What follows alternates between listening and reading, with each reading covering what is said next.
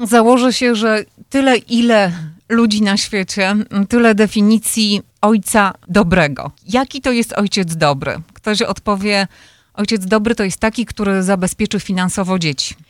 Tak, ale nie tylko. Przede wszystkim dobry ojciec to ojciec, który jest dla dziecka, który jest dostępny emocjonalnie. Dobry ojciec e, sprawia wielką różnicę w życiu dziecka. Ojciec dobry emocjonalnie. Bardzo ładnie to pani doktor ujęła. Katarzyna Pilewicz, doktor psychologii, autorka cyklicznych artykułów publikowanych w Dzienniku Związkowym, a także nasza cykliczna rozmówczyni, która prowadzi sieć klinik Psychological Counseling Center na przedmieściach Chicago. Dobrze, to powróćmy wobec tego do definicji ojca dostępnego emocjonalnie. Tak, w obecnych czasach ta rola ojca uległa zmianie, ponieważ e, pamiętamy jeszcze w latach 70., 80., czyli, czyli pokolenie tych rodziców, e, którzy teraz mają dzieci. Pamiętamy ojców, którzy wracali późno z pracy do domu, obiad został podawany pod nos i leżeli na kanapach i oglądali telewizję w ogóle nie mieli za dużo czasu, siły i, i wręcz jakby ochoty na to, żeby z tym dzieckiem pobawić się na dywanie. Teraz, kilkadziesiąt lat później, ta rola ojca uległa zmianie. Ojciec bardziej jest zaangażowany w wychowanie e, dziecka już od niemowlęcia pomaga mamie przy kąpieli. Jest to teraz bardziej widoczne też na, na placach zabaw.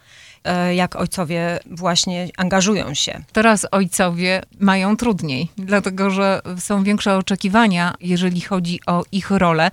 Ojcowie mają więcej obowiązków, ale oni sami walczą o to, żeby więcej tych obowiązków chyba mieć. Tak, tak, dlatego właśnie te czasy się zmieniły. Kiedyś właśnie ojciec tylko zapewniał finansowe bezpieczeństwo oraz dyscyplinę, czyli ojcowie byli kojarzeni z, z karami. Jeżeli dziecko coś nabroiło, to wtedy mama zwracała się do taty, żeby zdyscyplinował dziecko. Teraz ojcowie mają o wiele bardziej aktywną tą rolę, a badania mówią, że jest to doskonałe bardzo do, korzystny wpływ ma to na dzieci, ponieważ dzieci, które wyrastają w takiej dobrej relacji z, z ojcem, zaangażowanym w pełni w ich wychowanie, mają większe szanse na sukces w życiu.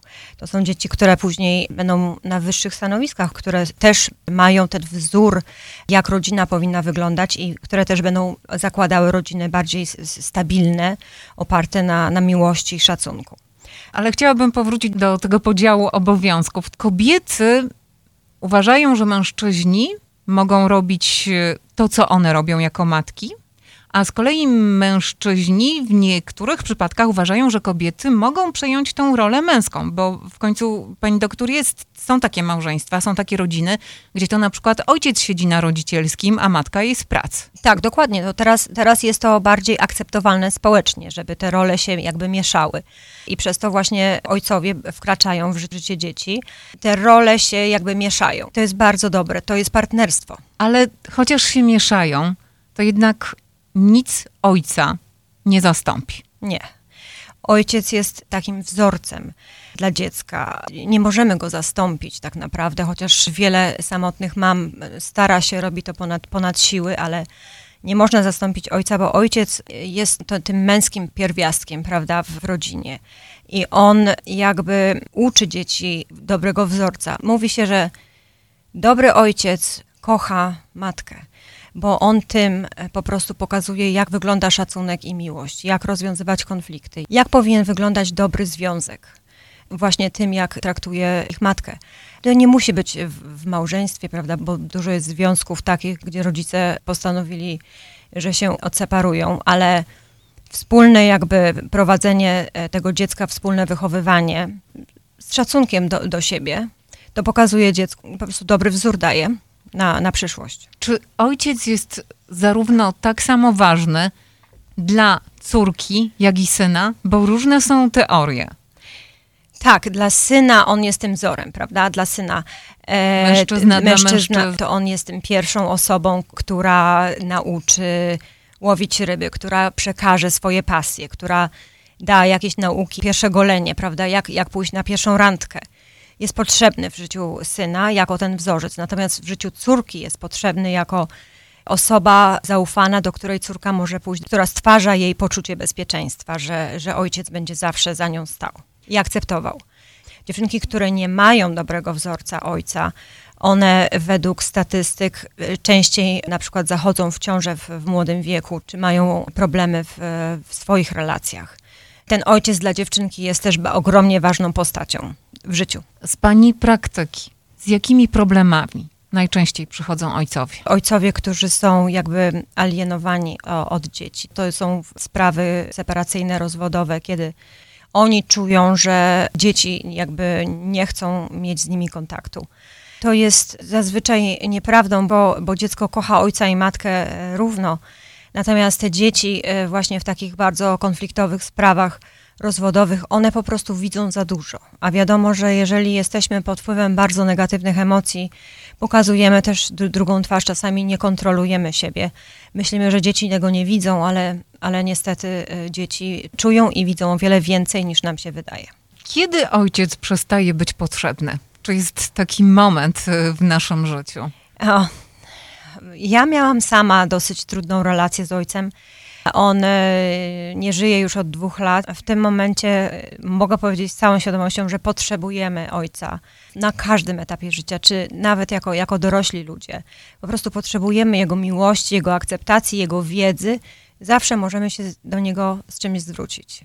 Także ojciec jest bardzo ważny ważny. Przez ważny, całe życie. Przez całe życie. To jest tak jak z macierzyństwem, że młodzi mężczyźni kiedy podejmują tą decyzję, że chcą mieć dziecko, zastanawiają się, czy sprawdza się jako ojciec. E, dobrze wiemy, że w ostatnich latach e, młodzi mężczyźni i młode kobiety podejmują decyzję o tym, żeby rozwinąć rodzinę, mieć dzieci już teraz dosyć późno. późno. Tak. Mhm. Na jakie pytanie powinni sobie przede wszystkim odpowiedzieć? A czy jestem gotowy? Ten wiek rzeczywiście jest coraz, coraz później, ale to jest dobre, dlatego że im jesteśmy starsi, tym e, mamy więcej cierpliwości, spokoju, a to jest potrzebne w wychowaniu dziecka. Nie mamy takiego poczucia, że coś tracimy w życiu. Już swoje przeżyliśmy, prawda? Już e, mieliśmy podróże, już mieliśmy zabawy. Także teraz jest czas na, na założenie rodziny. Ojcowstwa uczymy się przez całe życie? Uczą tak. się panowie? Nikt nie rodzi się ojcem. My się tego uczymy. My się wzorujemy na własnych ojcach albo wzorujemy się na tym, czego nie chcielibyśmy robić naszym dzieciom, a co przeżywaliśmy z naszymi rodzicami. Także rozwijamy się. Zawsze najważniejsze jest to, żeby, żeby być właśnie otwartym do dziecka, żeby, żeby być dostępnym, żeby tworzyć taką atmosferę, żeby to dziecko e, mogło w zaufaniu przyjść z najgorszą sprawą, żeby wiedziało, że ojciec y, zawsze stanie po jego stronie.